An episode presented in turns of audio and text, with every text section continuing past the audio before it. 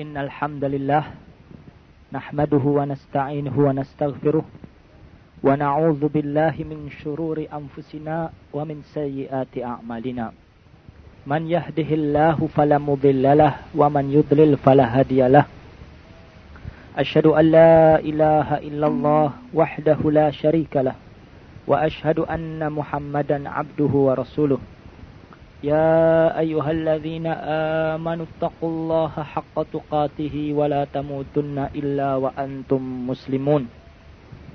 يا أيها الناس اتقوا ربكم الذي خلقكم من نفس واحدة وخلق منها زوجها وبث منهما رجالا كثيرا ونساء. واتقوا الله الذي تساءلون به والأرحام إن الله كان عليكم رقيبا. يا أيها الذين آمنوا اتقوا الله وقولوا قولا سديدا. يصلح لكم أعمالكم ويغفر لكم ذنوبكم. ومن يطع الله ورسوله فقد فاز فوزا عظيما. أما بعد فإن أصدق الحديث كتاب الله وخير الهدي هدي محمد صلى الله عليه وسلم وشر الأمور محدثاتها. wa kulla muhdatsatin bid'ah wa kulla bid'atin dalalah wa kulla dalalatin finnar. Ikhwan rahimakumullah pada kesempatan ini saya akan menyampaikan sebuah makalah yang saya susun dan saya nukil dari berbagai macam kitab. Saya beri judul makalah ini dengan Bahtera Penyelamat dari Gelombang Syubhat. Yang pertama tentang mukaddimah yaitu fitnah syubhat dan sebab-sebabnya. Baru pembahasan yang kedua masuk kepada cara untuk menolak syubhat. Kita mulai dengan pembahasan yang pertama fitnah syubhat dan sebab-sebabnya. Al-Imam Muhammad bin Aslam At-Tusi rahimahullah wafat tahun 242 Hijriah, beliau berkata, Barang siapa yang mempunyai pengalaman dan pengetahuan dalam hal apa-apa yang Allah utus Rasulnya dan dengan apa-apa yang ahli syirik dan ahli bid'ah berada di atasnya pada hari ini, maka dia mengetahui perbedaan yang sangat jauh antara orang-orang salaf dan orang-orang khalaf. Lebih jauh antara jarak timur dan barat mereka berdiri di atas sesuatu dan orang-orang salaf berdiri di atas sesuatu yang lain. Sebagaimana dikatakan, dia pergi ke timur dan engkau pergi ke barat. Jauh sekali perbedaannya antara timur dan barat. Dan perkara ini demi Allah lebih dahsyat dari apa yang telah kami sebutkan.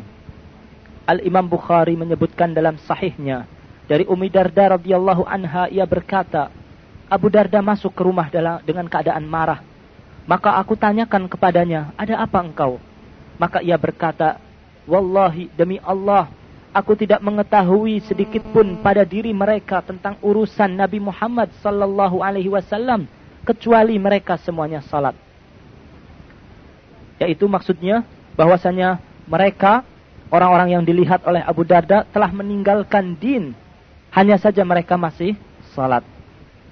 Dan Imam Az-Zuhri berkata, saya men masuk menemui Anas bin Malik di Damaskus yang sedang dalam keadaan menangis. Maka aku tanyakan kepada beliau, apa yang menyebabkan engkau menangis? Maka ia menjawab, aku tidak mengetahui sesuatu pun dari apa-apa yang aku ketahui kecuali salat ini. Dan salat pun sekarang telah disia-siakan. Disebutkan pula oleh Imam Bukhari nomor 530. Dan ini adalah fitnah yang terbesar di mana Abdullah bin Mas'ud radhiyallahu anhu berbicara mengenainya. Bagaimana keadaan kalian apabila fitnah menyelimuti kalian? Orang-orang dewasa menjadi tua di dalam fitnah tersebut. Anak-anak kecil tumbuh dewasa di dalamnya pula. Bid'ah telah memasyarakat. Mereka menjadikannya sebagai sunnah. Apabila bid'ah itu dirubah, maka dikatakan sunnah Rasulullah sallallahu alaihi wasallam telah dirubah atau ini adalah perbuatan mungkar. Dan hal ini merupakan sebagian bukti yang menunjukkan bahwa suatu amalan jika dilakukan bertentangan dengan as-sunnah, maka janganlah dianggap dan janganlah ditoleh karena amalan tersebut yang bertentangan dengan as-sunnah telah dilakukan sejak zaman Abu Darda dan Anas bin Malik radhiyallahu anhuma. Ucapan Al-Imam Muhammad bin Aslam At-Tusi ini rahimahullah saya nukil dari kitab Ilmu Usulil Bidah dari halaman 275 sampai 277 yang ditulis oleh Syekh Ali bin Hasan Ali Abdul Hamid Al-Halabi. Kemudian Imam Syatibi rahimahullah wafat tahun 790 Hijriah, beliau berkata dalam kitabnya Al-I'tisam yaitu dalam mukaddimah kitab Al-I'tisam. Dan pada waktu itu saya telah tampil di masyarakat dengan berkhutbah, menjadi imam dan yang semisalnya. Maka ketika saya menginginkan istiqamah di atas jalan yang lurus, saya dapatkan diri saya asing di tengah masyarakat pada waktu itu. Dikarenakan gerak langkah mereka banyak dilandasi oleh adat istiadat dan tata cara mereka yang telah dimasuki bid'ah-bid'ah dan tambahan-tambahan dalam din ini. Di mana di zaman dahulu pun hal ini bukan merupakan barang yang aneh, lebih-lebih di zaman sekarang ini. Sampai ia berkata, maka ada dua pertimbangan yang saya pikirkan, yaitu antara mengikuti as-sunnah dengan syarat menyalahi kebiasaan masyarakat, maka haruslah menerima resiko yang biasa diterima oleh orang-orang yang menyalahi adat istiadat, terlebih lagi jika masyarakat mengaku bahwa kebiasaan mereka itu satu-satunya sunnah. Tetapi meskipun memikul beban yang berat, terdapat pahala yang besar padanya dan antara mengikut mereka dengan syarat menyalahi as-sunnah dan as-salafus saleh. Maka saya termasuk kalau begitu dikategorikan orang-orang yang sesat. Wal. Saya berlindung kepada Allah dari hal yang demikian. Hanya saja saya sesuai mengikuti kebiasaan masyarakat dan saya dianggap oleh mereka sebagai pendukung, bukan sebagai oposan.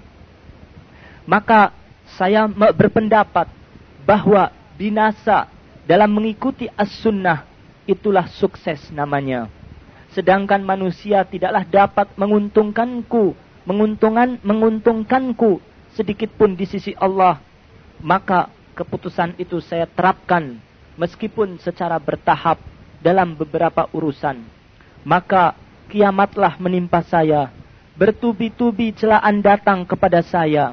Caci makian dialamatkan kepada saya bagaikan anak panah saya dicap sebagai ahli bid'ah dan orang-orang sesat. Dan kedudukan saya diturunkan sejajar dengan orang-orang tolol dan bodoh. Saya ambil dari kitab Al-Iqtisam yang ditulis oleh Imam Syatibi rahimahullah ditahqiq oleh Syekh Salim bin Aid Al-Hilali dari halaman 34 sampai 35. Saudara-saudara sekalian, sekarang ini pun kita hidup di zaman fitnah fitnah syubhat dan fitnah syahwat. Al-Imam Ibn Qayyim Al-Jauziyah rahimahullah berkata, fitnah itu dua macam, fitnah syubhat dan fitnah syahwat. Fitnah syubhat lebih besar bahayanya dari yang kedua. Dan kadang keduanya berkumpul pada seorang hamba dan kadang hanya salah satunya saja. Maka fitnah syubhat ini terjadi disebabkan lemahnya basirah dan sedikitnya ilmu apalagi kalau dibarengi dengan rusaknya niat dan berperannya hawa nafsu, maka akan timbul fitnah yang lebih besar dan musibah yang lebih berat. Maka katakanlah sekehendakmu mengenai kesesatan yang ditimbulkan dari buruknya niat. Pengendalinya adalah hawa nafsu, bukannya hidayah.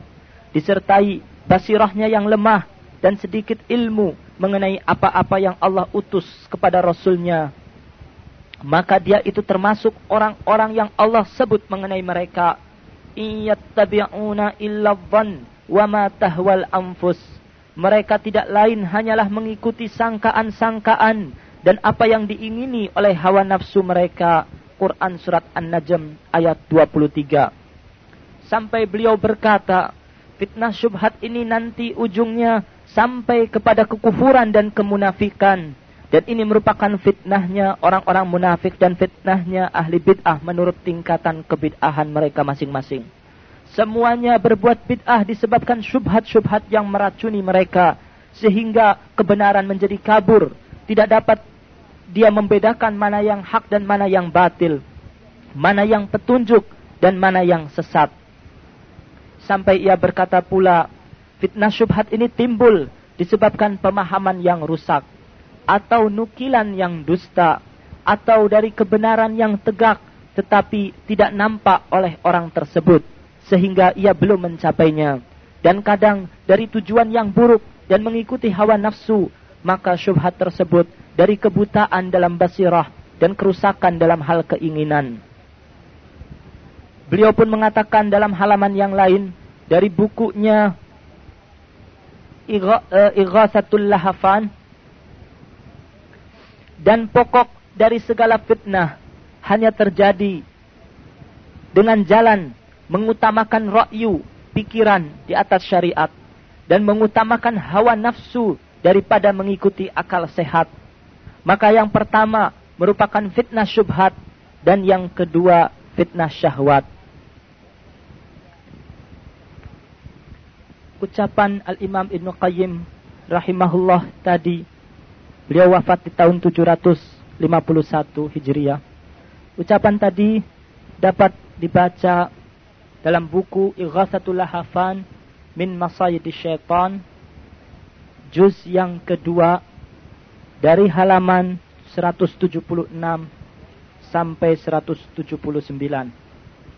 Buku ini ditahkik oleh Syekh Muhammad Hamid Al-Faqih rahimahullah terdiri dari dua jilid dan diringkas oleh Syekh Ali bin Hasan Ali Abdul Hamid hafizahullah dalam bukunya Mawaridul Aman Al-Muntaqa min Ighathatil Lahafan fi Masayidi Syaitan terdapat dalam di halaman 412 sampai 415.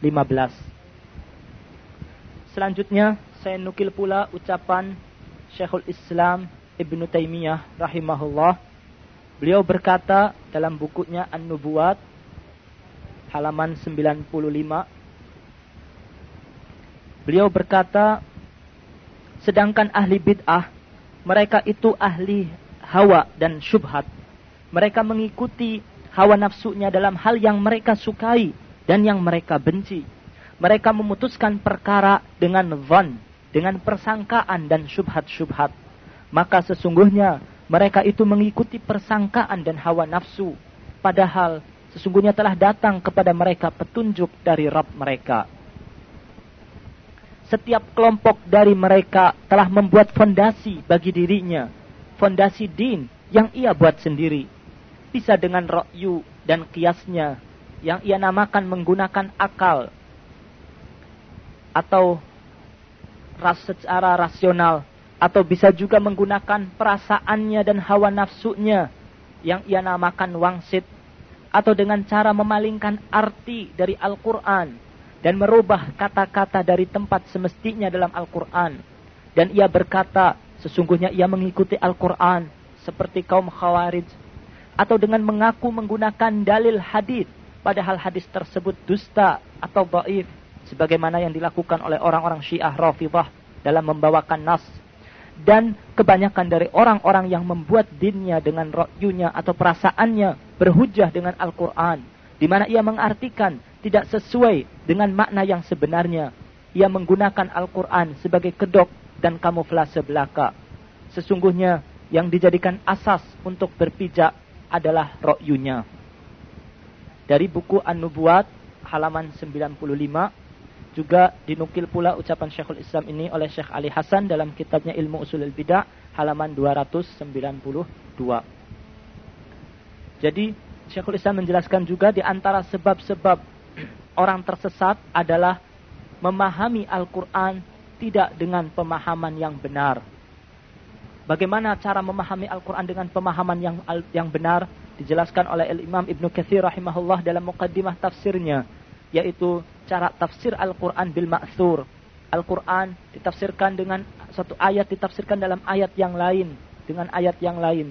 Yang kedua, Al-Quran ditafsirkan dengan sabda Nabi Sallallahu Alaihi Wasallam. Yang ketiga, ditafsirkan dengan ucapan-ucapan para sahabat. Yang keempat juga ditafsirkan dengan ucapan-ucapan para tabi'in dan kemudian oleh secara bahasa Arab.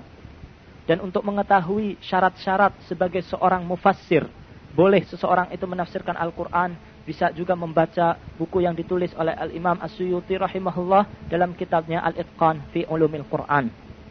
Kita lanjutkan Al-Imam Ali bin Abi Talib radhiyallahu anhu ketika memberi nasihat kepada Kumail bin Ziyad dengan nasihat yang panjang. Di awalnya mengenai macam-macam manusia yang terbagi menjadi tiga kelompok.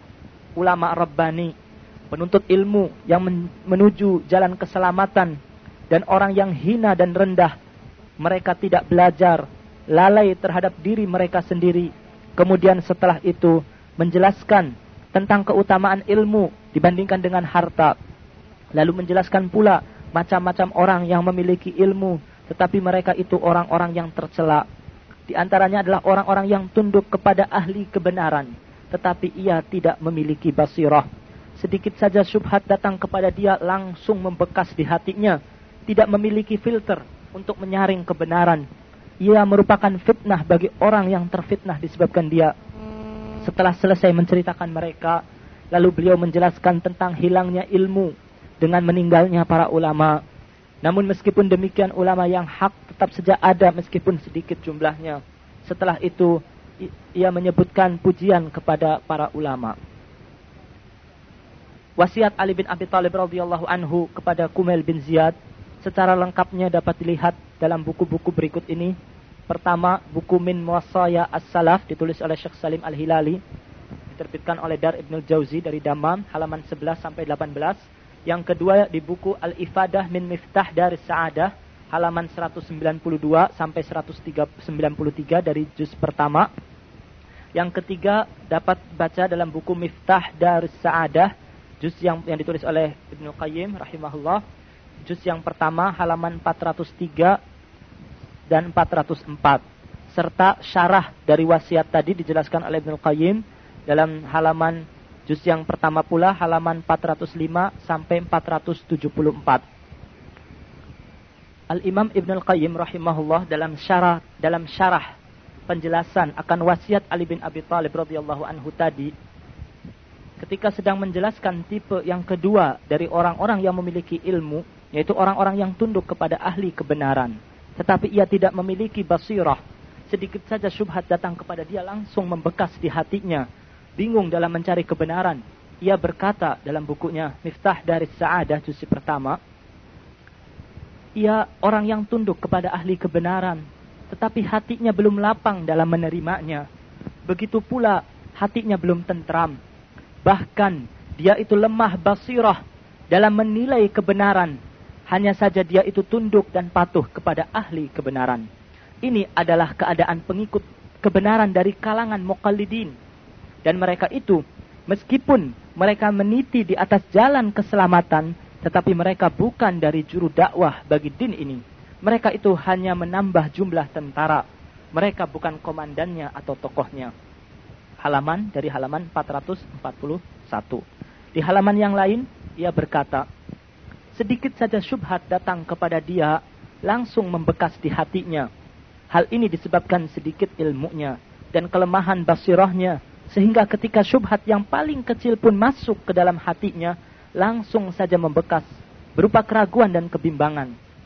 Berbeda dengan orang yang kokoh ilmunya.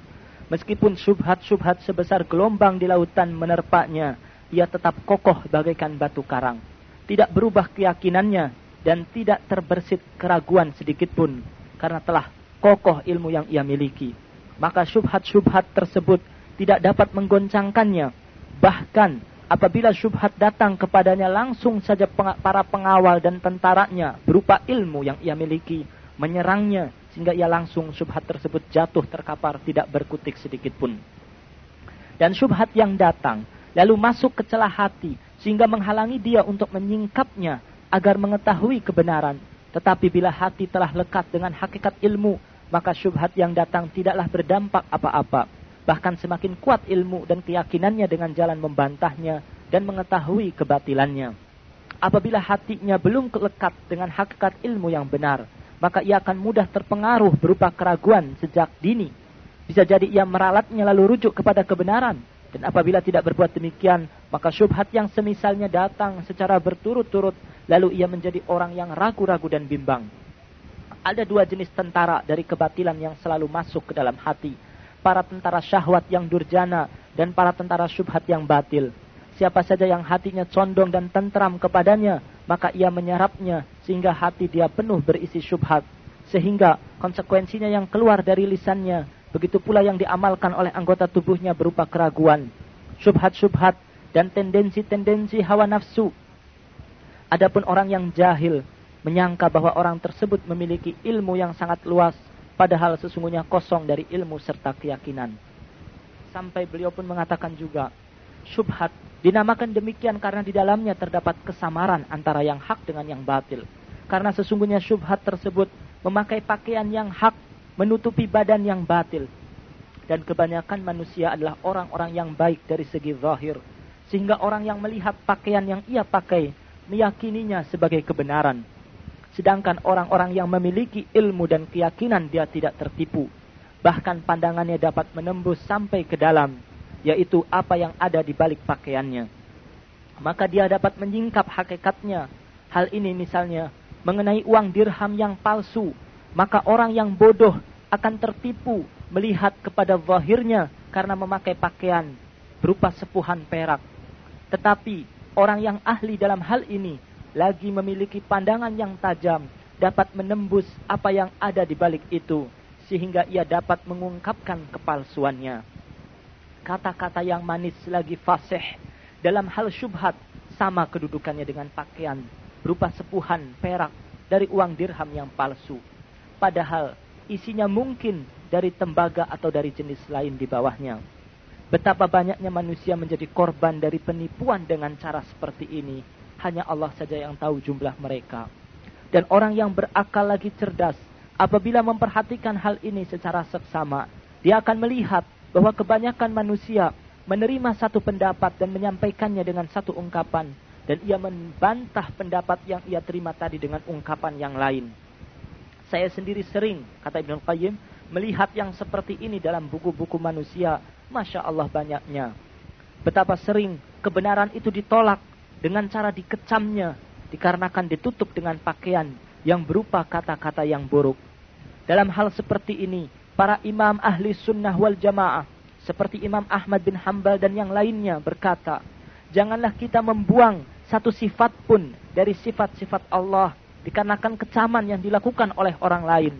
Mereka kaum Jahmiyah menuduh bahwa penetapan sifat-sifat kesempurnaan bagi Allah seperti hidupnya, ilmunya, kalamnya, pendengarannya, penglihatannya dan segala sifat lainnya yang Allah sifatkan dirinya dengan sifat tersebut dikatakannya sebagai tadsim dan tashbih penyerupaan dengan makhluk. Barang siapa yang menetapkan sifat-sifat tersebut dituduhnya sebagai musyabbih oleh mereka hanya orang yang berakal picik lagi mempunyai pandangan yang sempit jika ia lari dari pemahaman yang benar disebabkan adanya penamaan yang batil ini. Dan setiap pendukung aliran atau ajaran batil menutupi hakikat aliran dan ajaran mereka dengan ungkapan yang semanis mungkin. Sedangkan untuk menjatuhkan lawannya, mereka menggunakan ungkapan seburuk mungkin. Adapun orang-orang yang diberi karunia oleh Allah berupa basirah dapat menyingkap hakikat di balik kata-kata tadi berupa kebenaran atau kebatilan dengan menggunakan basirah tersebut. Dia tidak tertipu dengan ucapan lisan sebagaimana dikatakan dalam sebuah syair. Taqulu hadza janan nahli tamdahuhu wa in tasha qulta dha qai'uz madhan wa dhamman wa ma jawazta wasfahuma wal haqqu qad ya'tarihi su'u ta'biri engkau katakan ini adalah hasil dari tawon, yaitu madu. Dan apabila engkau menghendaki, engkau katakan ini adalah muntahnya zanabir. Pujian dan celaan, lagi pula engkau tidak berlebihan dalam mensifati keduanya. Dan kebenaran kadang tertutup buruknya ungkapan. Syairnya dari yang ditulis oleh Ibnu Qayyim ini, yaitu seseorang dapat saja mengatakan bahwa ini madu. Dan pada saat yang lain pun dia dapat saja mengatakan ini adalah muntahnya zanabir. Zanabir adalah hewan serangga yang besarnya lebih dari tawon, lebih besar dari tawon. Suka mencuri madu dari sarang tawon. Dan apabila keluar muntah, maka muntahnya itu persis dan mirip dengan madu. Maka kalau orang itu mau menghendaki, bisa saja dia mengatakan pula, ini adalah muntahnya dari Zanabir. Pujian dan celaan, dia tidak berlebih-lebihan dalam mensifati keduanya tadi. Sedangkan kebenaran itu kadang tertutup dengan buruknya ungkapan. Dengan kecaman-kecaman yang buruk yang dilontarkan oleh musuh-musuh kebenaran. Saya lanjutkan ucapan dari Ibnu Qayyim rahimahullah. Maka dari itu, apabila engkau hendak menelaah mengenai hakikat suatu pengertian, apakah dia itu hak atau batil, maka lepaskanlah semua dari pengaruh-pengaruh ungkapan yang bersifat politis lepaskan hatimu dari sikap a priori atau simpati. Kemudian setelah itu, berilah haknya untuk mempertimbangkan hal tersebut dengan pertimbangan yang objektif. Janganlah engkau termasuk orang-orang yang subjektif dalam menilai, yaitu apabila ia melihat tulisan atau ucapan sahabat-sahabatnya, atau orang-orang yang ia selalu bersangka, berprasangka baik kepadanya, ia memandangnya dengan pandangan sempurna dengan sepenuh hati ia telan bulat-bulat. Sebaliknya, apabila ia melihat tulisan atau ucapan lawannya, atau orang-orang yang ia berprasangka buruk kepadanya, maka ia memandangnya dengan memicingkan mata penuh koreksian. Akibatnya, orang yang melihat dengan pandangan permusuhan, apabila dia melihat kebaikan, yang terlihat adalah keburukan. Sedangkan orang yang melihat dengan pandangan percintaan, apabila dia melihat keburukan, yang terlihat adalah kebaikan. Dan tidak ada orang yang selamat dari sikap subjektivitas ini kecuali orang yang Allah kehendaki mendapatkan kemuliaannya dan ia ridha kepadanya untuk menerima kebenaran. Dan telah dikatakan, wa ainur ridha an kulli aibin kalilah kama anna aina sukhti tubdil masawiya. Mata yang penuh ridha akan memejamkan matanya dari segala aib yang ia lihat Sedangkan mata yang penuh kebencian yang ia lihat hanyalah keburukan. Dan yang lain berkata pula, Nazaru bi aini adawatin lau annaha ainur ridha lastahsanu mastaqbahu. Mereka melihat dengan mata permusuhan. Kalau saja mata tersebut mata keridhaan, tentu mereka akan menganggap baik apa yang tadinya mereka anggap buruk. Apabila yang demikian tadi berkenaan dengan pandangan mata, panca indera yang hanya sampai kepada benda-benda fisik, masih saja ia belum bisa menahan dirinya agar tidak sombong. Maka bagaimana jadinya dengan pandangan mata hati yang dapat menembus makna-makna yang sangat dalam yang tidak dapat dijangkau oleh mata panca indera. Yang mata hati itu merupakan ujian yang lebih berat lagi sehingga lebih besar lagi kemungkinannya untuk berbuat sombong. Dan hanya Allah saja yang diminta pertolongannya guna mengetahui kebenaran dan menerimanya dan guna menolak kebatilan dan agar tidak tertipu dengannya. Selesailah ucapan salah seorang dari ulama Rabbani Al-Imam Ibn Qayyim Al-Jauziyah rahimahullah dalam kitabnya Miftah dari Sa'adah juz yang pertama halaman 443 sampai 445. Allahumma arinal haqqa haqqa warzuqna tiba'ahu wa arinal batila batilah warzuqna bahu. Wahai Allah, perlihatkanlah kepada kami kebenaran itu sebagai suatu kebenaran dan karuniakanlah kepada kami kekuatan untuk dapat mengikutinya dan perlihatkanlah kepada kami kebatilan itu sebagai suatu kebatilan dan karuniakanlah kepada kami kemampuan untuk menjauhinya. Bagian yang kedua mengenai jalan untuk menolak syubhat dan merupakan inti dari pembahasan masalah ini. Saya mulai dengan menukil ucapan Al-Imam Ibn Qayyim Al-Jauziyah rahimahullah. Saya ambil dari buku beliau Ighathatul Lahafan min Masayid Syaitan juz yang kedua dari halaman 176 sampai 177.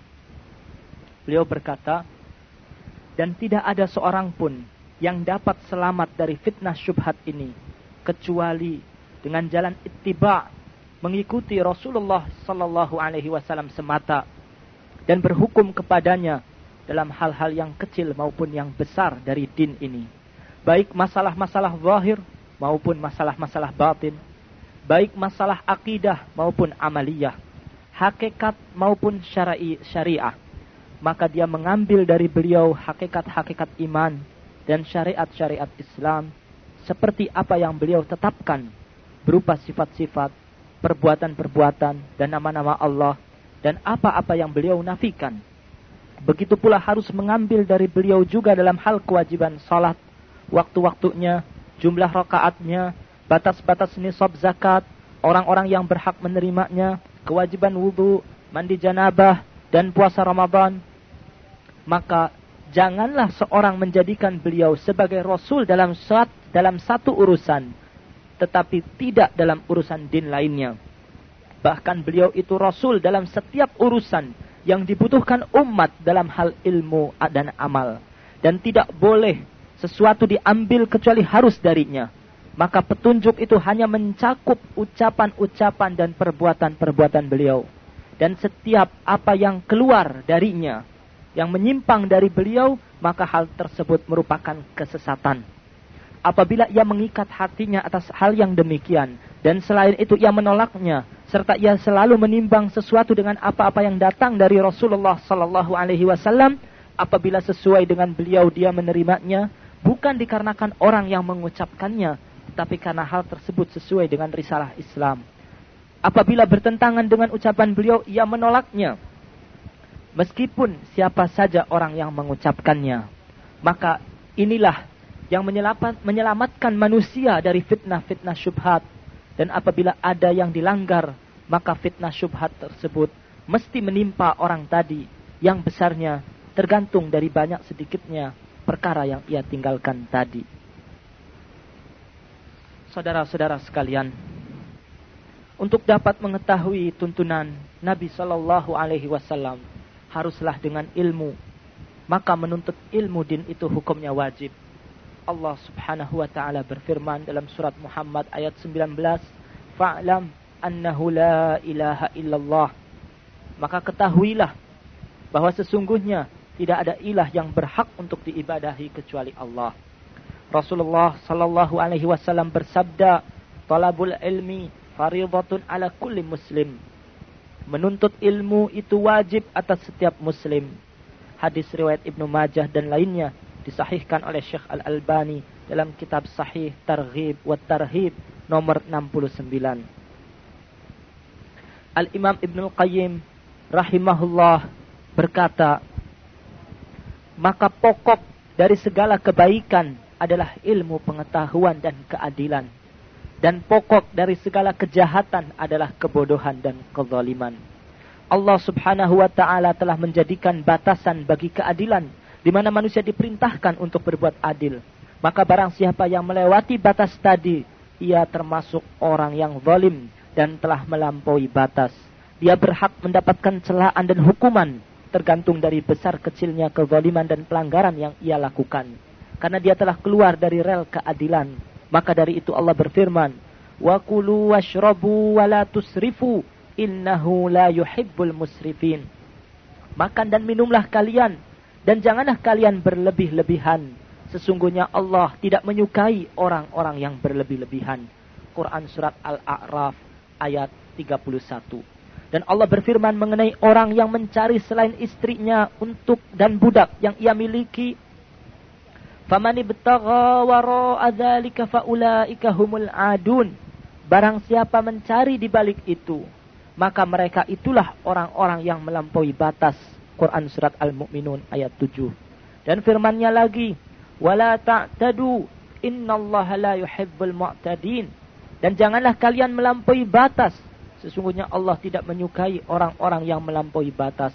Quran surat Al-Baqarah ayat 190. Sesungguhnya diri manusia itu suka kepada kezaliman dan permusuhan. Penyebabnya adalah rusaknya ilmu atau rusaknya niat atau kedua-duanya sekalian. Bahkan dapat dikatakan bahwa rusaknya niat timbul dari rusaknya ilmu. Karena seandainya dia mengetahui akan sesuatu, bahwasanya hal itu merugikan, dan ia tahu akibatnya apabila dia menjalankannya, tentu dia tidak akan mengutamakannya. Seperti orang yang mengetahui tentang makanan yang lezat, membuat air liur keluar, tetapi mengandung racun makanan tersebut, maka tentu dia tidak akan menyantapnya. Maka kelemahan ilmu dia akan adanya kerugian dari sesuatu yang merugikan dan kelemahan tekadnya untuk menjauhi hal itu yang membuat ia terjerumus ke dalam pelanggaran. Begitu pula iman yang hakiki adalah yang mengajak pemiliknya untuk melakukan apa-apa yang bermanfaat baginya dan mencegahnya dari melakukan amalan yang merugikannya. Seandainya belum melakukan yang pertama dan tidak meninggalkan yang kedua, maka ia belum sampai kepada hakikat iman. Meskipun ia tetap memiliki iman sesuai dengan kadar amalnya. Karena sesungguhnya seorang yang beriman akan adanya neraka dengan sebenar-benarnya iman. Seakan-akan dia melihatnya tentu dia tidak akan meniti di atas jalan yang akan mengantarkannya ke neraka. Lebih-lebih lagi ia tidak akan berusaha sungguh-sungguh untuk menempuh jalan ke neraka tersebut. Dan seorang yang beriman kepada surga dengan sebenar-benarnya iman, dia tidak akan bermalas-malasan untuk mencapai harapannya dan cita-citanya untuk masuk surga. Manusia sendiri mempraktekkan hal ini dalam urusan keduniaan, dalam hal usaha untuk mendapatkan manfaat dunia dan berusaha sekuat tenaga untuk menghindari dari kerugian. Apabila hal ini telah jelas, maka seorang hamba sangat butuh kepada ilmu untuk mengetahui hal-hal apa saja yang dapat merugikan dia agar dapat dia menghindarinya dan hal-hal apa saja yang bermanfaat agar ia benar-benar serius dan mengamalkannya. Lalu ia cinta kepada apa-apa yang bermanfaat baginya dan benci kepada apa-apa yang merugikannya. Maka ia cinta kepada apa-apa yang Allah cintai dan benci kepada apa-apa yang Allah benci Hal ini merupakan konsekuensi dari peribadatan dan percintaan. Apabila menyimpang dari hal yang demikian dengan mencintai apa-apa yang Allah benci dan membenci kepada apa-apa yang Allah cintai, maka berkuranglah peribadatan dia kepadanya sebesar penyimpangan yang ia lakukan. Untuk mengetahui hal-hal yang bermanfaat dan hal-hal yang merugikan ada dua jalan, yaitu dengan akal dan yang kedua dengan syariat. Adapun dengan akal, Allah Subhanahu wa taala telah meletakkan dalam akal-akal dan fitrah-fitrah manusia yang bersih anggapan yang baik terhadap kejujuran, keadilan, kebaikan, kehormatan diri, keberanian, kemuliaan akhlak, pelaksanaan amanat, menyambung tali kekerabatan, nasihat kepada manusia, tepat janji, penjagaan terhadap tetangga serta perlindungan kepadanya, pembelaan terhadap orang-orang yang dizalimi, pertolongan kepada orang yang tertimpa musibah, penghormatan terhadap tamu, pemeliharaan terhadap anak-anak yatim dan lain sebagainya. Allah juga meletakkan kepada akal-akal manusia dan fitrah-fitrah mereka berupa anggapan yang buruk terhadap hal-hal sebaliknya dari hal yang telah disebutkan di atas. Anggapan baik dan anggapan buruk yang demikian sama dengan anggapan baik terhadap air dingin pada saat kita kehausan. Dan terhadap makanan yang lezat dan bermanfaat pada saat kita lapar. Dan terhadap pakaian yang dapat menahan dingin sebagaimana dia tidak mungkin menolak dari dirinya dan tabiatnya akan anggapan baik terhadap perbuatan-perbuatan tadi dan manfaatnya, maka begitu pula dia tidak dapat menolak dari dirinya dan fitrahnya anggapan baik terhadap sifat-sifat kesempurnaan dan manfaatnya. Begitu pula sebaliknya, berkenaan dengan anggapan buruk terhadap sifat-sifat kekurangan dan kerugiannya, barang siapa yang berkata bahwasanya sifat-sifat kesempurnaan dan manfaatnya atau sebaliknya tidak dapat diketahui dengan akal sehat maupun fitrah yang suci, tapi hanya bisa diketahui dengan nas-nas syar'i saja, maka ucapan dia itu ucapan yang batil. Telah kami jelaskan kebatilan ucapan tersebut dalam kitab Al-Miftah dari 60 sisi. Kami telah jelaskan di sana dalil-dalil Al-Quran, As-Sunnah, kemudian berdasarkan akal dan fitrah yang menunjukkan ketidakbenaran ucapan tersebut. Jalan yang kedua, untuk mengetahui sesuatu yang merugikan dan bermanfaat adalah melalui nas-nas syar'i jalan kedua ini lebih luas dan lebih jelas dan lebih bes, dan lebih benar dari jalan pertama dikarenakan banyak yang belum diketahui dalam hal sifat-sifat perbuatan, keadaan-keadaannya dan hasil-hasilnya apabila memakai jalan pertama. Dan sesungguhnya orang yang mengetahui hal yang demikian tiada lain dan tiada bukan hanya Rasulullah sallallahu alaihi wasallam.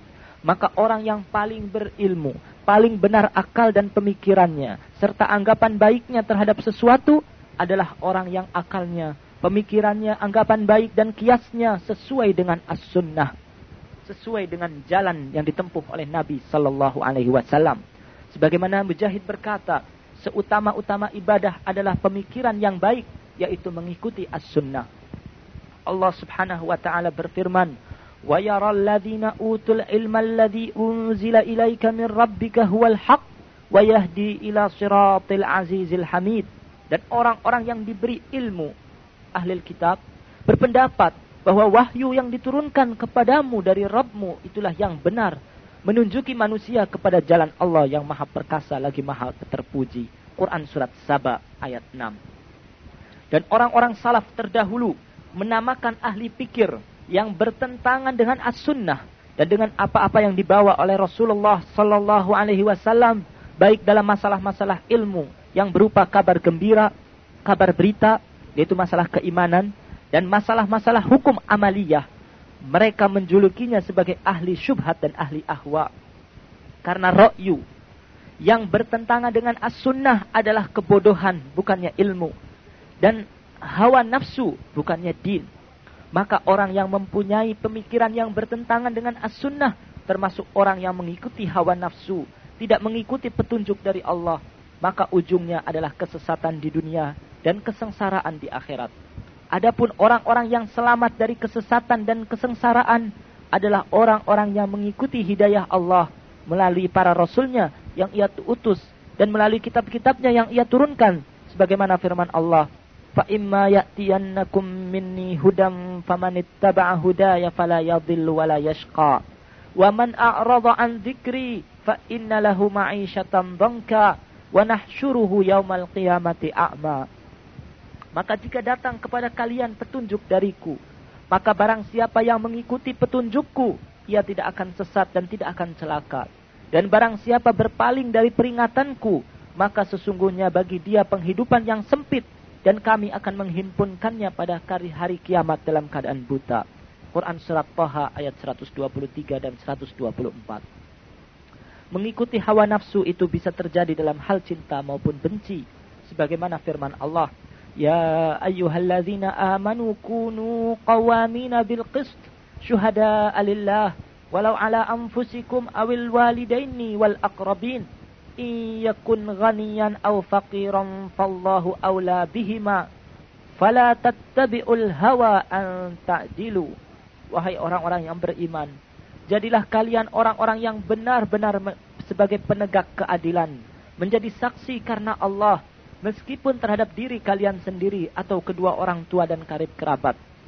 Jika ia kaya atau miskin maka Allah lebih tahu kemaslahatan maka janganlah kalian mengikuti hawa nafsu sehingga kalian tidak berbuat adil. Quran surat An-Nisa ayat 135. Dan dalam firman-Nya, Ya ayyuhalladzina amanu kunu qawamina lillahi syuhada'a bil qist wa la yajrimannakum syana'anu qaumin ala alla ta'dilu i'dilu huwa aqrabu littaqwa wattaqullah innallaha khabirum bima ta'malun Wahai orang-orang yang beriman Jadilah kalian orang-orang yang selalu menegakkan kebenaran karena Allah, menjadi saksi dengan adil, dan janganlah sekali-kali kebencian kalian terhadap satu kaum mendorong kalian untuk tidak berlaku adil. Berlaku adillah karena adil itu lebih dekat kepada takwa dan bertakwalah kalian kepada Allah. Sesungguhnya Allah Maha Pengetahui atas apa yang kalian kerjakan. Quran surat Al-Maidah ayat 8. Hawa nafsu yang dilarang untuk mengikutinya bisa berupa hawa nafsu pribadi bisa pula hawa nafsu orang lain. Semuanya dilarang untuk diikuti. Dikarenakan keduanya bertentangan dengan petunjuk Allah yang telah mengutus Rasul-Rasulnya dengan membawa petunjuk tersebut. Dan telah menurunkan kitab-kitabnya dengan sebagai petunjuk bagi manusia. Dari buku Ighasatul Lahafan min Masayidi Syaitan. Juz yang kedua halaman 146 140 sampai 148. Ucapan Al-Imam Ibn Qayyim rahimahullah maka kita membuat kesimpulan dan kita sepakati bahwasanya menuntut ilmu itu hukumnya wajib yaitu ilmu Alkitab dan ilmu As-Sunnah. Rasulullah sallallahu alaihi wasallam bersabda, "Taraktu fikum amrain lan tadillu ma tamassaktum bihima kitaballah wa sunnata nabiyyih." Aku tinggalkan pada kalian dua perkara.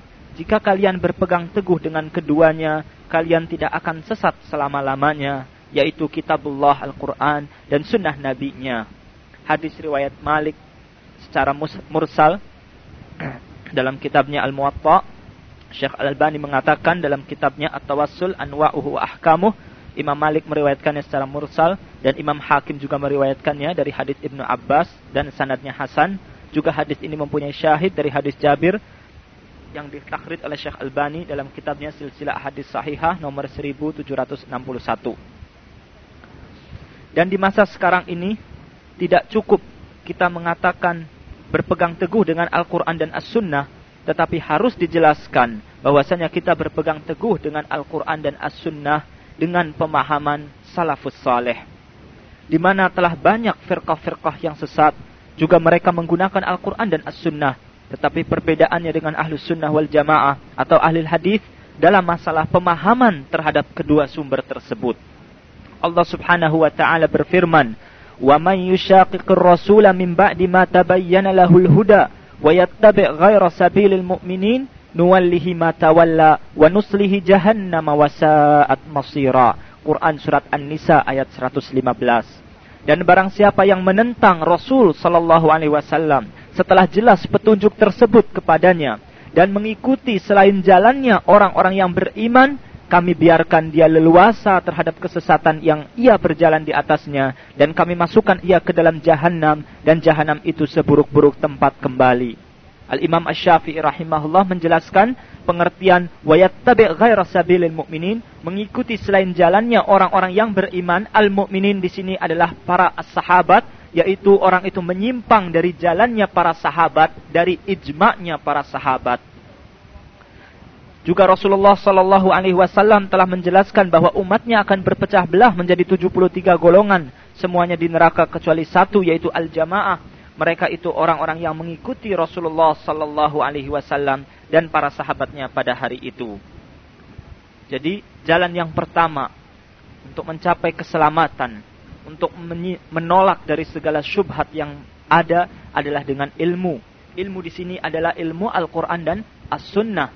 Sebagaimana Ibnu Qayyim rahimahullah mengucapkan mengatakan dalam kitabnya I'lamul Muwaqqi'in bahwasanya al-ilmu qala Allah wa qala Rasul wa qala sahabah ilmu itu adalah firman Allah, sabda Rasulullah sallallahu alaihi wasallam dan ucapan para sahabat. Jadi bukanlah ilmu kalau al-qil wal qal atau bukanlah ilmu termasuk juga bukan ilmu adalah falsafat. Ilmu filsafat bukanlah termasuk ilmu. Saudara-saudara sekalian, begitu pula Al-Imam Syafi'i rahimahullah dalam diwan Imam Syafi'i mengatakan kulul ilm kulul ulumi siwal Quran mashghalatun. Seluruh ilmu selain Al-Quran adalah buang waktu.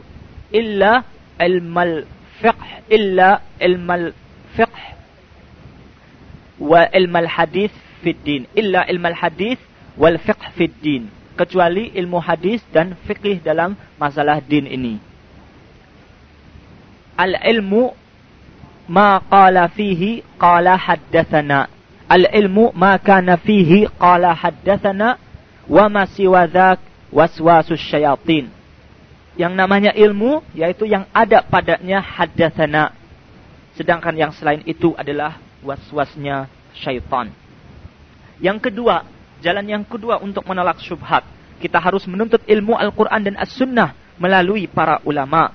Syekhul Islam Ibn Taimiyah rahimahullah berkata dalam kitabnya raf'ul malam an a'immatil a'lam, maka wajib atas kaum muslimin setelah berwala loyalitas, berloyal kepada Allah dan Rasulnya untuk berwala kepada orang-orang beriman sebagaimana disebutkan dalam Al-Quran. Lebih khusus lagi yaitu berwala kepada para ulama di mana mereka itu pewaris para nabi. Allah menjadikan mereka bagaikan bintang di langit berguna sebagai petunjuk bagi manusia dalam kegelapan malam di darat dan di lautan. Halaman Raf'ul Malam an Aimatil A'lam halaman 11. Saudara-saudara sekalian, Rasulullah sallallahu alaihi wasallam bersabda, "Man salaka tariqan yabtaghi fihi ilman sahhalallahu lahu tariqan ilal jannah." Wa innal malaikata la tadau ajnihataha li talibil ilm ridan bima yasna. wa innal alima la yastaghfiru lahu man fis samawati wa man fil ard hatta al-hitanu fil ma wa fadlul alimi 'ala al-abid ka fadlil qamari 'ala sa'iril kawakib wa innal ulama warasatul anbiya wa innal anbiya alam yuwarrithu dinaran wala dirhama wa innama warrasul ilma faman akhadahu akhadha bihadzin wafir rawahu Abu Dawud wa Tirmidzi Barang siapa yang melalui satu jalan untuk menuntut ilmu, maka Allah akan memudahkan baginya jalan menuju surga. Dan para malaikat sungguh meletakkan sayap-sayapnya menaungi para penuntut ilmu karena senang dengan apa yang ia lakukan. Dan sesungguhnya seorang alim itu dimintakan ampun oleh penduduk langit dan bumi. Bahkan ikan-ikan di dalam air memintakan ampun kepada Allah untuknya. Dan keutamaan seorang alim ahli ilmu dibandingkan dengan ahli ibadah seperti keutamaan bulan dibandingkan dengan sekalian bintang. Dan sesungguhnya ulama itu sebagai pewaris para nabi dan sesungguhnya para nabi tidak mewariskan uang dinar atau dirham. Mereka hanya mewariskan ilmu. Maka barang siapa yang mendapatkannya berarti ia telah mendapatkan bagian yang sangat besar. Hadis riwayat Abu Dawud dan Tirmidzi dari kitab Riyadhus Salihin nomor 1396. Syekh Albani menyatakan bahwa hadis ini hasan dalam kitabnya Sahih At-Targhib wa Tarhib juz yang pertama nomor 67. Syekh Salim Al-Hilali juga menyatakan hadis ini hasan dan menjelaskan takhrij hadis ini dalam kitabnya Syarah Riyadhus Salihin, Bahjatun Nazirin, Syarah Riyadhus Salihin, juz yang kedua halaman 470 471. Saudara-saudara sekalian, Al-Imam Ibn Al-Qayyim rahimahullah memberikan syarah terhadap hadis ini sebanyak 10 halaman dalam kitabnya Miftahu Daris Sa'adah. Juz yang pertama halaman 255 sampai 265. Di antaranya ketika beliau sedang menjelaskan sabda Nabi sallallahu alaihi wasallam dan sesungguhnya ulama itu sebagai pewaris para nabi. Ibn Ibn Qayyim mengatakan terdapat padanya peringatan bahwasanya para ulama itu sedekat-dekat manusia kepada para nabi dan sebaik-baik makhluk setelah mereka. Juga di dalamnya terdapat bimbingan dan perintah kepada umat untuk taat kepada mereka, untuk menghormati, menghargai, memuliakan dan mengagungkan mereka. Juga terdapat di dalamnya peringatan bahwa kecintaan kepada mereka bagian dari din ini dan kebencian kepada mereka bukan dari din ini. Begitu pula memusuhi dan memerangi mereka adalah memusuhi dan memerangi Allah. Juga di dalamnya terdapat peringatan untuk para ulama agar mengikuti jalan dan tuntunan para nabi dalam masalah penyampaian berupa kesabaran, berupa bertahan dalam menanggung beban, membalas perlakuan buruk manusia dengan kebaikan, lemah lembut dengan mereka, menarik mereka kepada jalan Allah dengan sebaik-baik cara, mencurahkan kemampuan untuk menasehati mereka. Dengan demikian, barulah mereka mendapatkan kehormatan, yaitu sebagai waris, pewaris yaitu mendapatkan warisan yang sangat besar nilainya. Begitu pula resikonya sangat besar pula. Juga terdapat di dalamnya peringatan untuk ulama dalam hal pendidikan umat agar mendidik mereka seperti seorang ayah mendidik anaknya sendiri. Maka para ulama mendidik umat dengan bertahap dan meningkat sedikit demi sedikit dari mulai ilmu yang kecil sampai yang besar dan membebani mereka sesuai dengan kesanggupannya seperti seorang ayah menyuapi anaknya yang masih kecil. Lihat kitab Miftah dari Sa'adah juz pertama halaman 261 sampai 262. Seorang alim haruslah dia takut kepada Allah Subhanahu wa taala sebagaimana firman Allah dalam surat Fatir ayat 28, "Innama yakhsyallaha min ibadihil ulama." Sesungguhnya yang takut kepada Allah di antara hamba-hambanya hanyalah ulama. Syekhul Islam Ibn Taimiyah rahimahullah berkata, telah diriwayatkan dari Abi Hayyan At-Taimi bahwasanya ia berkata, bahwa ulama itu tiga macam. Pertama, alimun billah. Kedua, alimun bi amrillah. Dan yang ketiga, alimun billah dan alimun bi amrillah. Alimun billah adalah orang yang takut kepada Allah. Dan alimun bi amrillah adalah orang yang mengetahui perintah-perintahnya dan larangan-larangannya. Dan dalam Sahih Al-Bukhari dari Nabi sallallahu alaihi wasallam bahwasanya beliau bersabda demi Allah, sungguh saya amat berharap agar termasuk orang yang paling takut kepada Allah di antara kalian dan yang paling mengetahui batasan-batasannya di antara kalian. Dan apabila orang-orang yang takut adalah ulama yang mendapatkan pujian dalam Al-Quran dan As-Sunnah, mereka tidaklah berhak mendapatkan celaan yang demikian tersebut dikarenakan mereka melaksanakan kewajiban-kewajiban sebagaimana Allah berfirman wa qala alladhina kafaru lirusulihim wa qala alladhina kafaru lirusulihim lanukhrijannakum min ardina aw lata'udunna fi millatina فأوحى إليهم ربهم لنهلكن الظالمين ولنسكننكم الأرض من بعدهم ذلك لمن خاف مقامي وخاف وعيد Orang-orang kafir berkata kepada rasul-rasul mereka, kami sungguh-sungguh akan mengusir kalian dari negeri kami atau kam, kalian kembali kepada agama kami. Maka Rob mereka mewahyukan kepada mereka, kami pasti akan membinasakan orang-orang yang zalim itu. Dan kami pasti akan menempatkan kalian di negeri-negeri itu sesudah mereka. Yang demikian itu adalah untuk orang-orang yang takut akan menghadap kehadiratku dan orang yang takut kepada ancamanku. Quran surat Ibrahim ayat 13-14 dan firmannya waliman khafa maqama rabbihi jannatan. Dan bagi orang yang takut akan saat menghadap Rabbnya terdapat dua surga. Quran surat Ar-Rahman ayat 46 Allah menjanjikan kepada orang-orang yang takut akan mendapatkan kemenangan di dunia dan ganjaran di akhirat. Yang demikian tersebut dikarenakan mereka telah melaksanakan kewajiban. Hal ini menunjukkan bahwa rasa takut mempunyai konsekuensi pelaksanaan kewajiban. Dari kitab Al-Iman oleh Syekhul Islam Ibn Taimiyah rahimahullah Al-Halaman 18. Al-Imam Ibn Al-Qayyim rahimahullah berkata, Tidaklah seorang itu disifati sebagai alim Rabbani sampai ia mengamalkan ilmunya dan mengajarkannya kepada orang lain. Dari kitab Miftah dari Sa'adah juz pertama halaman 411. Saudara-saudaraku, ulama Rabbani, mereka menyeru orang-orang yang tersesat kepada petunjuk dan sabar atas gangguan manusia. Mereka menghidupkan orang-orang yang mati hatinya dengan Al-Quran dan menjadikan orang-orang yang buta basirahnya dapat melihat. Mereka membasmi kesyirikan, bid'ah dan segala khurafat agar manusia hanya beribadah kepada Allah semata. Berbeda dengan orang-orang yang jahil murakkab. Ia merasa dirinya ulama karena membandingkan dengan orang-orang di sekitarnya. Mengajarkan dan berfatwa kepada manusia tanpa ilmu. Maka mereka itu sesat dan menyesatkan wal billah. Rasulullah sallallahu alaihi wasallam bersabda, Inna Allah la yaqbidul ilma intiza'an yantazi'uhu minal ibad, walakin yaqbidul ilma biqabdil ulama, hatta idha lam yubqi aliman, ittakhadhan nasu ru'usan juhala, fasu'ilu fa'aftau bighairi ilmin, fadallu wa adallu, rawahul Bukhari wa Muslim.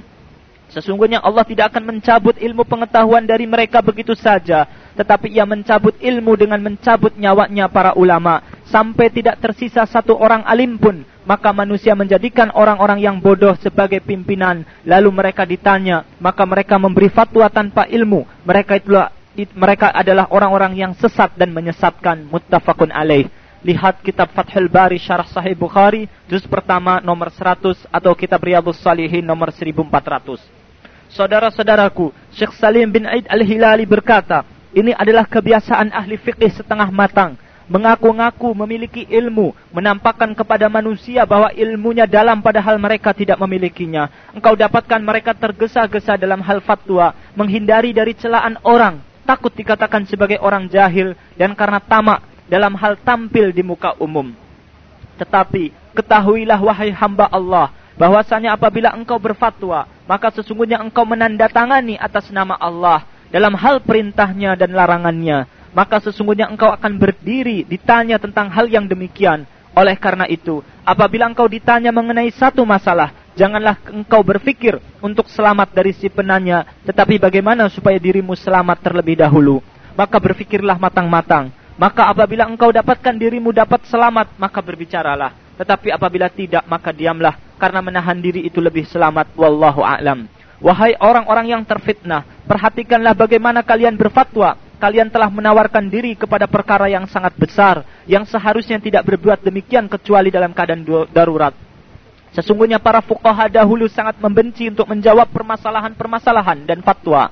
Sampai mereka tidak mendapatkan jalan kecuali harus berfatwa. Dan apabila mereka menahan diri darinya, itu yang lebih mereka sukai.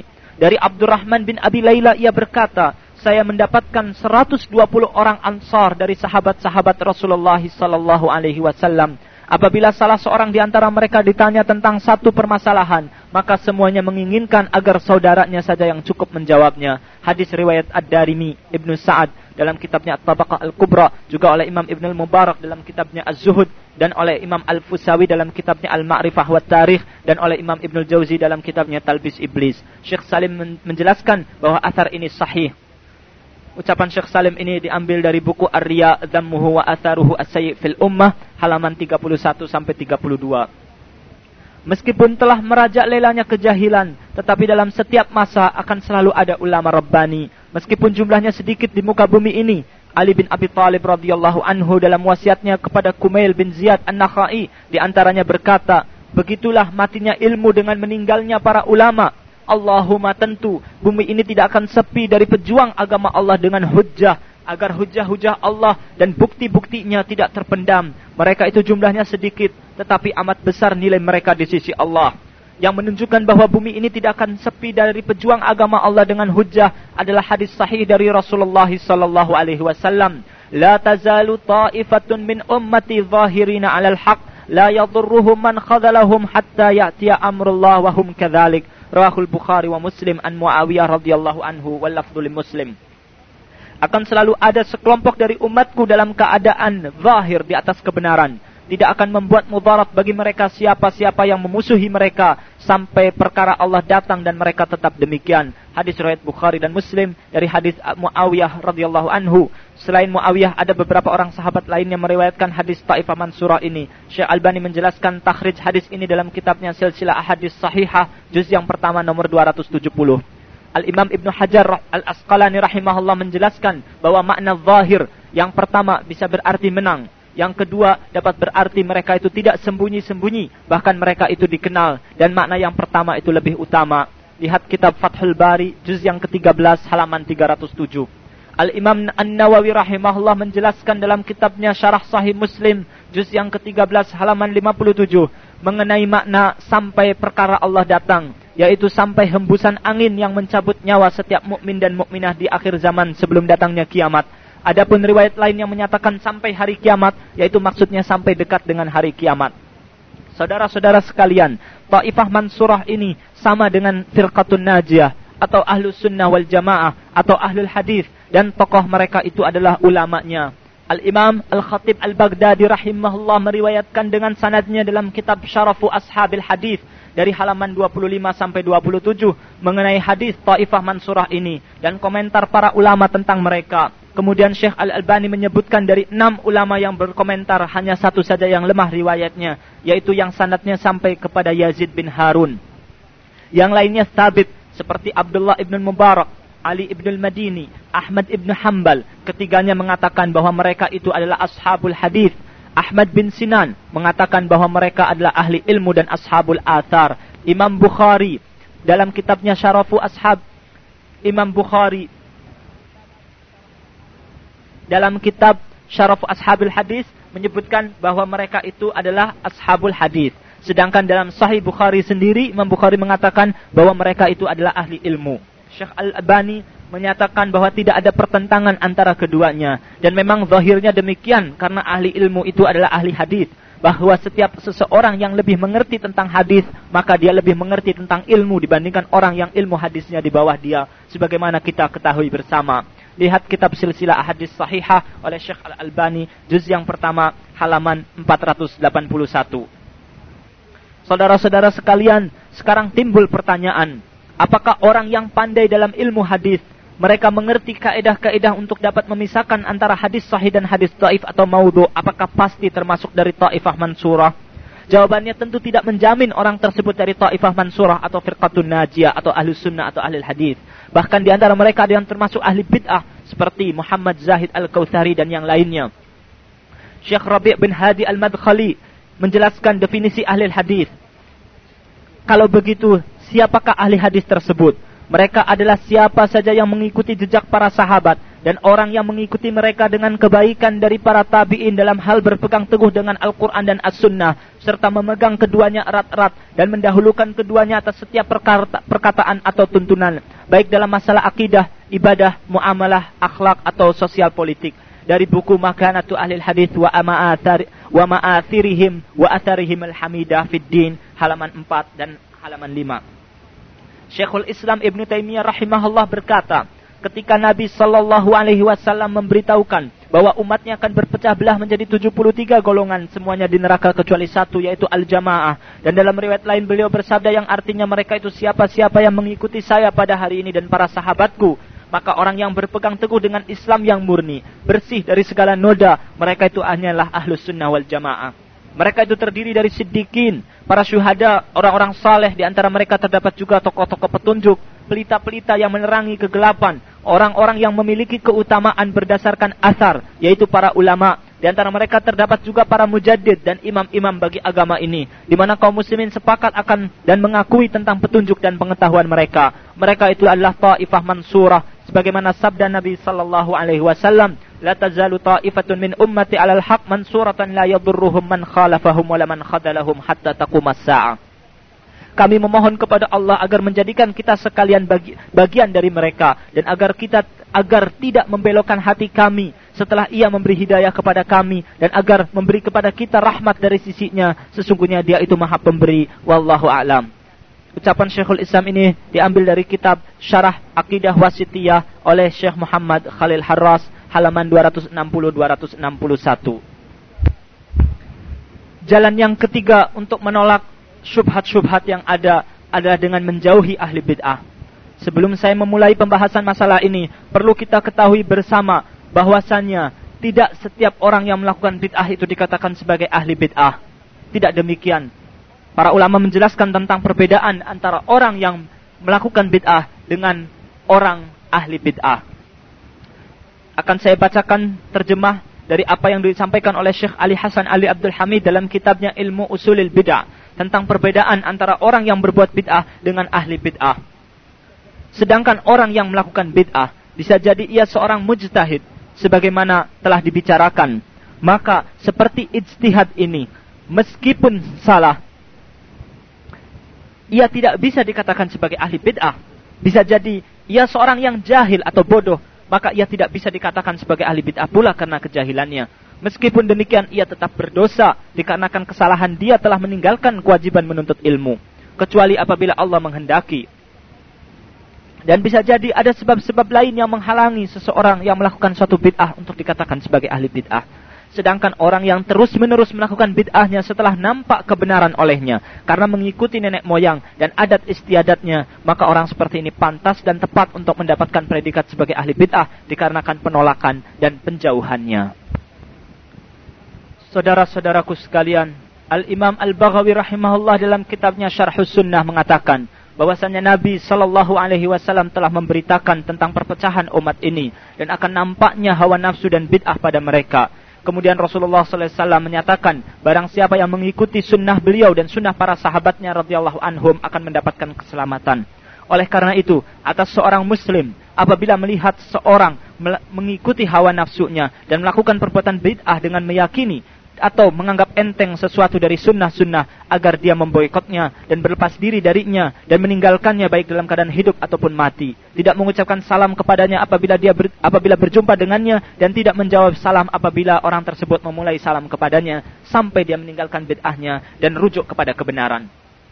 Adapun larangan untuk memboikot seorang muslim lebih dari tiga hari, itu apabila terjadi antara dua orang dalam hal-hal kekurangan dalam permasalahan hak-hak persahabatan atau pergaulan, bukan dalam permasalahan hak din. Karena memboikot ahli hawa dan ahli bid'ah akan tetap berlangsung sampai mereka bertaubat. Dari kitab Syarhus Sunnah, juz pertama, halaman 224. Selanjutnya beliau mengatakan pula dalam kitab yang sama juz pertama halaman 227 setelah beliau membawakan uh, hadis orang-orang yang tidak mengikuti uh, perang Tabuk yaitu tiga orang dari sahabat di antaranya adalah Ka'ab bin Malik rahim radhiyallahu anhu. Beliau mengatakan para sahabat dan para tabi'in serta para pengikut dari tabi'in dan ulama sunnah telah sepakat mereka sepakat atas permusuhannya terhadap ahli bid'ah dan pemboikotan terhadap mereka. Al-Imam Ash-Shawkani dalam kitabnya Fathul Qadir juz yang kedua ketika membahas tentang tafsir surat Al-An'am ayat 68 Allah berfirman Wa idza ra'aital ladzina yakhuduna fi ayatina fa'arid anhum hatta yakhudhu fi haditsin ghairi. Wa imma yunsiyannaka syaitanu fala taq'ud ma'al qaumidz zalimin. Dan apabila kalian melihat dan apabila kamu melihat orang-orang yang memperolok-olokkan ayat-ayat kami, maka tinggalkanlah mereka sehingga mereka membicarakan pembicaraan yang lain. Dan jika syaitan menjadikan kamu lupa akan larangan ini, maka janganlah kamu duduk bersama orang-orang yang zalim itu sesudah teringat akan larangan tadi. Al-Imam Ash-Shawkani rahimahullah berkata, pada ayat ini ada nasihat yang sangat agung kepada kepada orang yang membolehkan duduk di majlisnya ahli bid'ah di mana mereka merubah kalam Allah dan main-main dengan kitabnya dan sunnah rasulnya. Mereka mengembalikan ayat dan hadis kepada hawa nafsu yang sesat dan bid'ah mereka yang rusak. Oleh karena itu, apabila dia tidak mengingkari mereka dan tidak merubah keadaan mereka, maka minimal orang tadi harus meninggalkan majelis mereka. Dan yang demikian adalah mudah tidak sulit. Karena apabila kita ikut hadir bersama mereka, padahal kita tidak mengikuti dan tidak menerima kebid'ahan mereka dan syubhat dari mereka, tetapi ini membuat syubhat kepada orang-orang awam. Karena ikut hadirnya kita merupakan kerusakan yang lebih lebih daripada sekedar mendengarkan kemungkaran. Dan kita kata Imam Syaukani, kita telah menyaksikan dalam majelis-majelis yang terlaknat ini yang tidak sedikit jumlahnya dan sangat banyak sekali tidak terhitung banyaknya. Dan kita membela kebenaran dan menolak kebatilan dengan semampu kita oleh karena itu barang siapa yang mengetahui syariat yang suci dengan sebenar-benarnya, maka dia tahu bahwasanya duduk dengan ahli bid'ah yang sesat adalah men, adalah merupakan kerusakan yang berlipat-lipat dari sekedar duduk kepada bersama orang-orang yang berbuat maksiat kepada Allah. Lebih-lebih lagi apabila orang yang duduk tadi masih lemah ilmunya, ilmu Alkitab dan As-Sunnah karena bisa jadi akan teracuni dengan syubhat-syubhat mereka. Dan dia menyangka bahwasanya hal itu adalah kebenaran. Dan susah sekali untuk mengobatinya dan untuk menolak dari syubhat tadi. Padahal sebenarnya dia adalah sebenar sebatil-batil kebatilan dan semungkar-mungkar kemungkaran. Syekh Ali Hasan Ali Abdul Hamid menjelaskan dalam kitab Ilmu Usulil Bidah bahwasanya para ulama telah membuat bab baik para muhaddis ataupun para fuqaha dengan bab-bab yang banyak sekali dalam masalah ini. Seperti di antaranya Sunan Abi Dawud. Dalam Sunan Abi Dawud juz yang keempat. Adanya bab mujanabatu ahlil ahwa wa bughdihim. Bab menjauhi ahli hawa dan murka kepada mereka. Juga Al-Imam Al-Munziri dalam kitabnya At-Targhib wa Tarhib juz yang ketiga. Adanya bab At-Tarhib min hubbil ashrar wa ahlil bid'ah li'annal mar'a ma'aman ahab. Ancaman kepada akan cinta kepada orang-orang yang berbuat kejahatan dan ahli bid'ah karena seseorang itu bersama orang yang dia cintai. Begitu pula Al-Imam An-Nawawi dalam kitabnya Al-Azkar membuat satu bab bab at-tabarri min ahli bid'ah wal ma'asi. Bab berlepas diri dari ahli bid'ah dan ahli maksiat. Imam Baihaqi juga menjelaskan bab an-nahi an mujalasati ahli bid'ah. Bab larangan untuk duduk bersama ahli bid'ah. Berkata Al-Fudail ibni Iyad, barang manjala sama sahib bid'ah fahdharhu. Barang siapa yang duduk bersama sahib bid'ah, maka hati-hatilah kepada dia. Wa manjala sama sahibil bid'ah lam yu'tal hikmah. Barang siapa yang duduk bersama sahibil bid'ah, tidaklah diberi hikmah. Wa uhibbu an yakuna baini wa baini sahibi bid'ah hisnun min hadid. Saya cinta sekali antaraku dan antara sahib bid'ah itu ada dinding dari besi. Ia berkata pula, adraktu khiyaran nas kulluhum ashabus sunnah wa yanhauna an ashabil bidah. Saya mendapatkan sebaik-baik manusia semuanya adalah ashabus sunnah. Mereka itu melarang untuk duduk bersama ashabul bid'ah. Yahya bin Abi Kathir mengatakan, "Idza laqita sahiba bid'ah fi tariq fakhudh fi ghairi." Apabila engkau berjumpa dengan sahib bid'ah dalam satu jalan, maka ambillah jalan yang lain. Oleh karena itu, wajib atas engkau wahai seorang muslim sunni untuk menjauhkan para ahli bid'ah dan men kemudian Imam Az-Zahabi mengatakan apabila engkau mampu untuk mengajarkannya dan memberi hidayahnya, maka bersungguh-sungguhlah. Tetapi apabila engkau tidak mampu, maka janganlah berkasih sayang kepadanya. Janganlah engkau jadikan dia itu sebagai teman bergaul. Kemudian Imam Zahabi pula mengatakan, Faliyakun rifquka bil mubtadi' wal jahil hatta taruddahuma ammar takabahu bilin warhamil mubtala wahmadillah alal afiyah. Maka lemah lembutlah dengan ahli bid'ah dan orang yang jahil sampai engkau dapat mengembalikan keduanya dari kesesatan kepada kebenaran dengan lemah lembut dan kasih sayanglah kepada orang yang ditimpa musibah dan bersyukurlah kepada Allah atas kesehatan, atas kebenaran yang jalan yang kamu tempuh tersebut. Tetapi perlu di sini perhatian yang mendalam, yaitu sebagaimana ucapan Ibnu Imam Az-Zahabi, fa'in qadirta apabila engkau mampu. Di sini adalah perlunya orang tersebut adalah mempunyai ilmu yang kuat, bukan setengah atau orang yang sok mempunyai ilmu atau orang yang tidak mempunyai ilmu karena dikhawatiri apabila dia mendakwahi orang ahli bid'ah tersebut malah dia yang akan terpengaruh nantinya. Saudara-saudara sekalian, Al-Imam Ibn Al-Qayyim rahimahullah mengatakan dalam kitabnya Ighathatul Lahafan termasuk dari macam-macam perangkap syaitan dan tipu dayanya syaitan mengajak seorang hamba Allah kepada berbagai macam bentuk dosa dan kenistaan dengan sebab akhlak baik si hamba tersebut dan kemurahan hatinya maka dia berjumpa dengan seseorang yang tidak mungkin si hamba tadi selamat dari kejahatannya kecuali dengan sikap cemberut kepadanya dan bermuka masam serta berpaling menjauhinya. Maka musuh tersebut menjadikan si hamba Allah tadi menganggap baik kepadanya sehingga ia menjumpainya dengan wajah berseri-seri dan muka yang manis serta berkata-kata dengan halusnya. Kemudian ia terikat kepadanya. Setelah itu ia berusaha untuk melepaskannya namun tak dapat maka musuh itu selalu saja berusaha mengumpulkan antara keduanya sampai berhasil kepada apa yang ia maukan. Itulah tipu daya syaitan kepada manusia untuk melalui masuk melalui kebaikan akhlak dan keramah tamahannya. Dan dari sini para ulama mewasiatkan kepada kita untuk menjauhi ahli bid'ah agar tidak mengucapkan salam kepadanya dan tidak memperlihatkan kepada mereka dengan wajah yang berseri-seri bahkan menghadapinya dengan cemberut dan buang muka.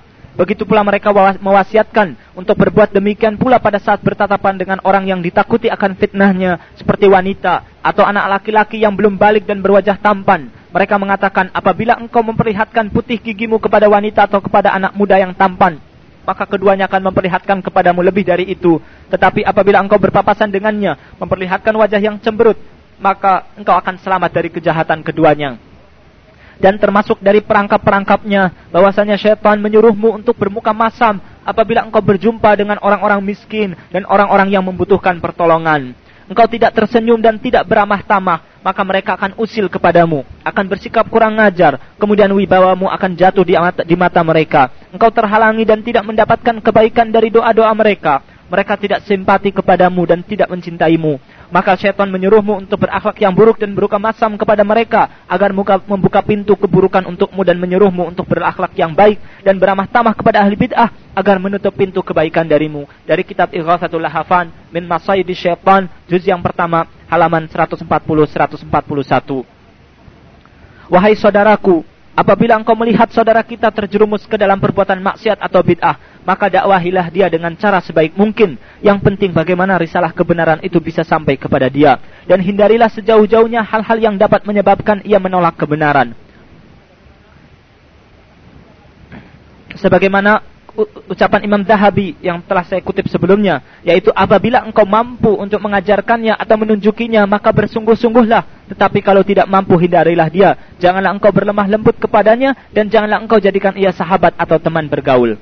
Begitu pula ucapan Imam Az-Zahabi, hendaklah engkau berlemah lembut terhadap ahli bid'ah dan orang jahil sehingga engkau dapat mengembalikan keduanya kepada kebenaran dengan lemah lembut dan sayangilah terhadap orang yang ditimpa musibah dan bersyukurlah kepada Allah dengan memujinya atas kesehatanmu.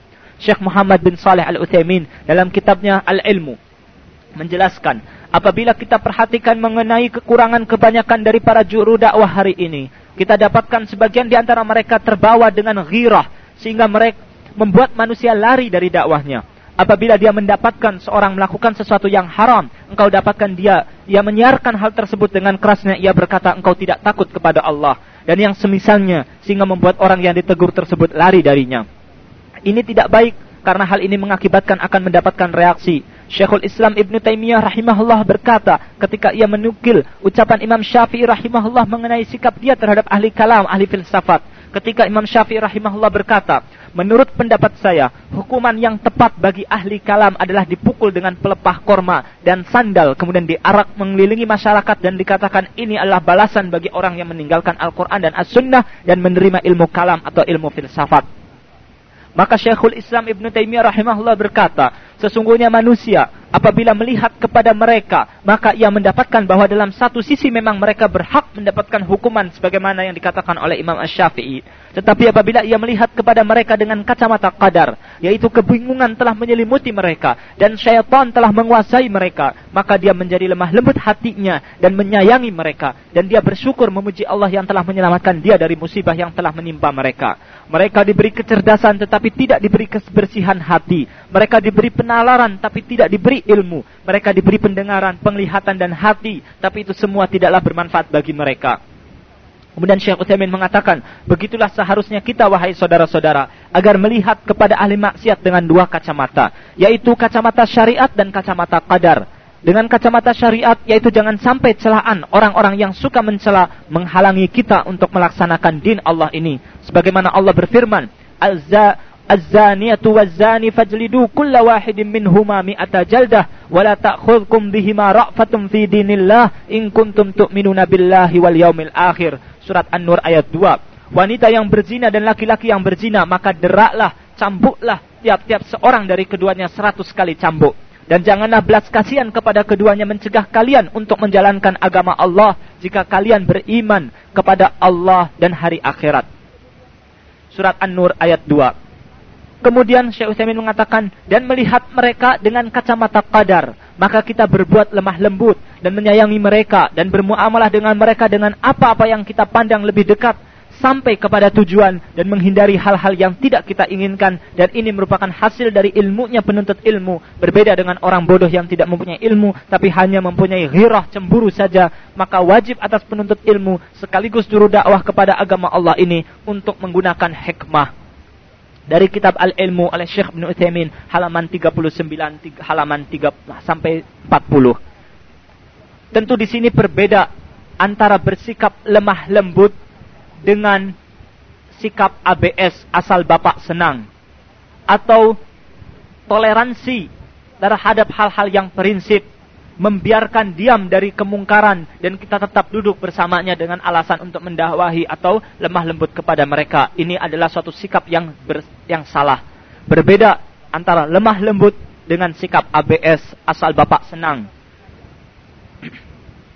Saudara-saudaraku sekalian, terakhir sebelum saya tutup pembahasan masalah ini, akan saya bawakan wasiat dari Sufyan Ats-Tsauri rahimahullah dan yang kedua wasiat dari Syekhul Islam Ibn Taimiyah rahimahullah kepada muridnya Ibn Al-Qayyim. Yang pertama wasiat Syekh uh, Imam Sufyan Ats-Tsauri rahimahullah kepada Abbad bin Abbad Al-Khawas rahimahullah. Ia berkata, sesungguhnya engkau hidup di zaman di mana para sahabat Nabi sallallahu alaihi wasallam takut dan berdoa kepada Allah meminta perlindungan agar tidak men menemui zaman tersebut Padahal mereka memiliki ilmu di mana kita tidak. Mereka memiliki kekokohan di mana kita tidak.